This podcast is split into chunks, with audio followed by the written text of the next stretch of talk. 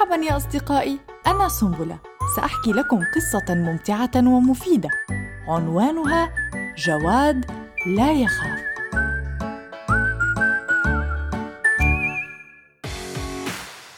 جواد فتى بلغ ربيعه الثامن لكن حماسته وشجاعته تفوقان سنه بكثير. عيناه تتقدان ذكاء وقلبه يضج حيوية والحياة عنده حركة ونشاط وإقدام. وما حصل معه تلك الليلة خير دليل على قوة قلبه.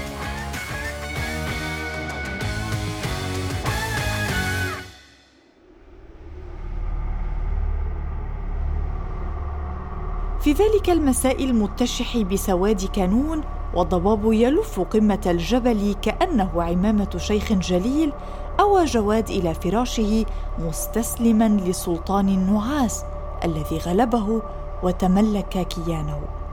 وقبل أن يسبح الصغير في فضاء أحلامه البريئة سمع صوتا غريبا آتيا من غرفة الجلوس.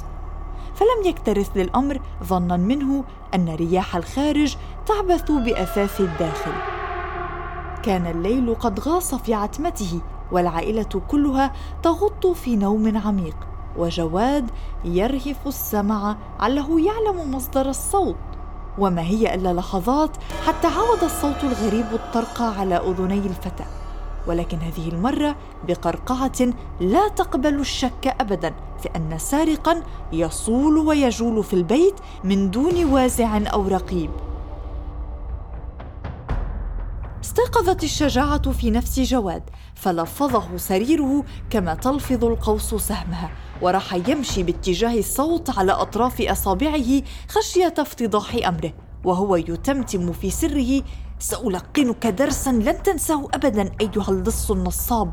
فكر للحظة في أن يوقظ أباه وأمه غير أنه فضل المواجهة بنفسه ومن دون أن يرسم خطة للهجوم أنار الممر المؤدي إلى غرفة الجلوس واستعد للتحدي المرتقب.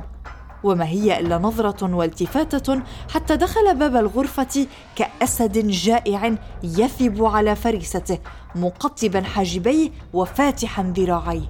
هنا رأى ما لم يكن في الحسبان فقد وقع نظره على هراته سوسو تتعارك مع ذبابة تحم فوقها وحولها.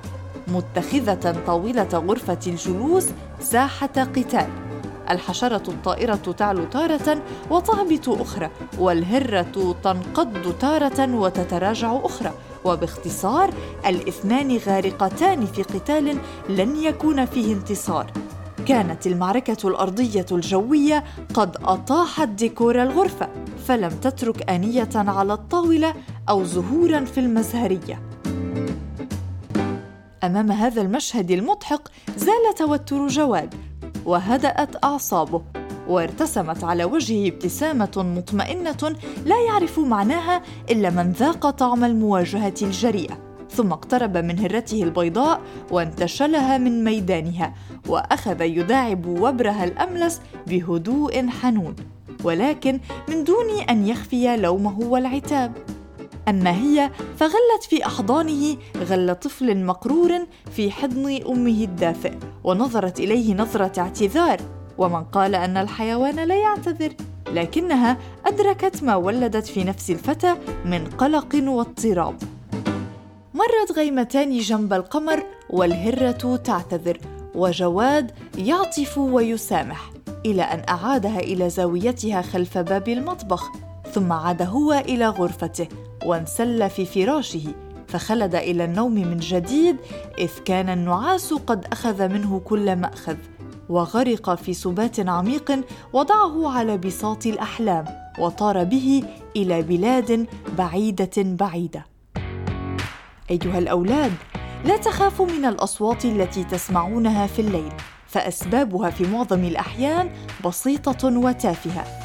إذا أخافتكم تلك الأصوات فستقضون لياليكم كلها قلقين مضطربين وسيذهب النوم من عيونكم وتكونون قد خسرتم وقتا غاليا من حياتكم مخصصا للراحة.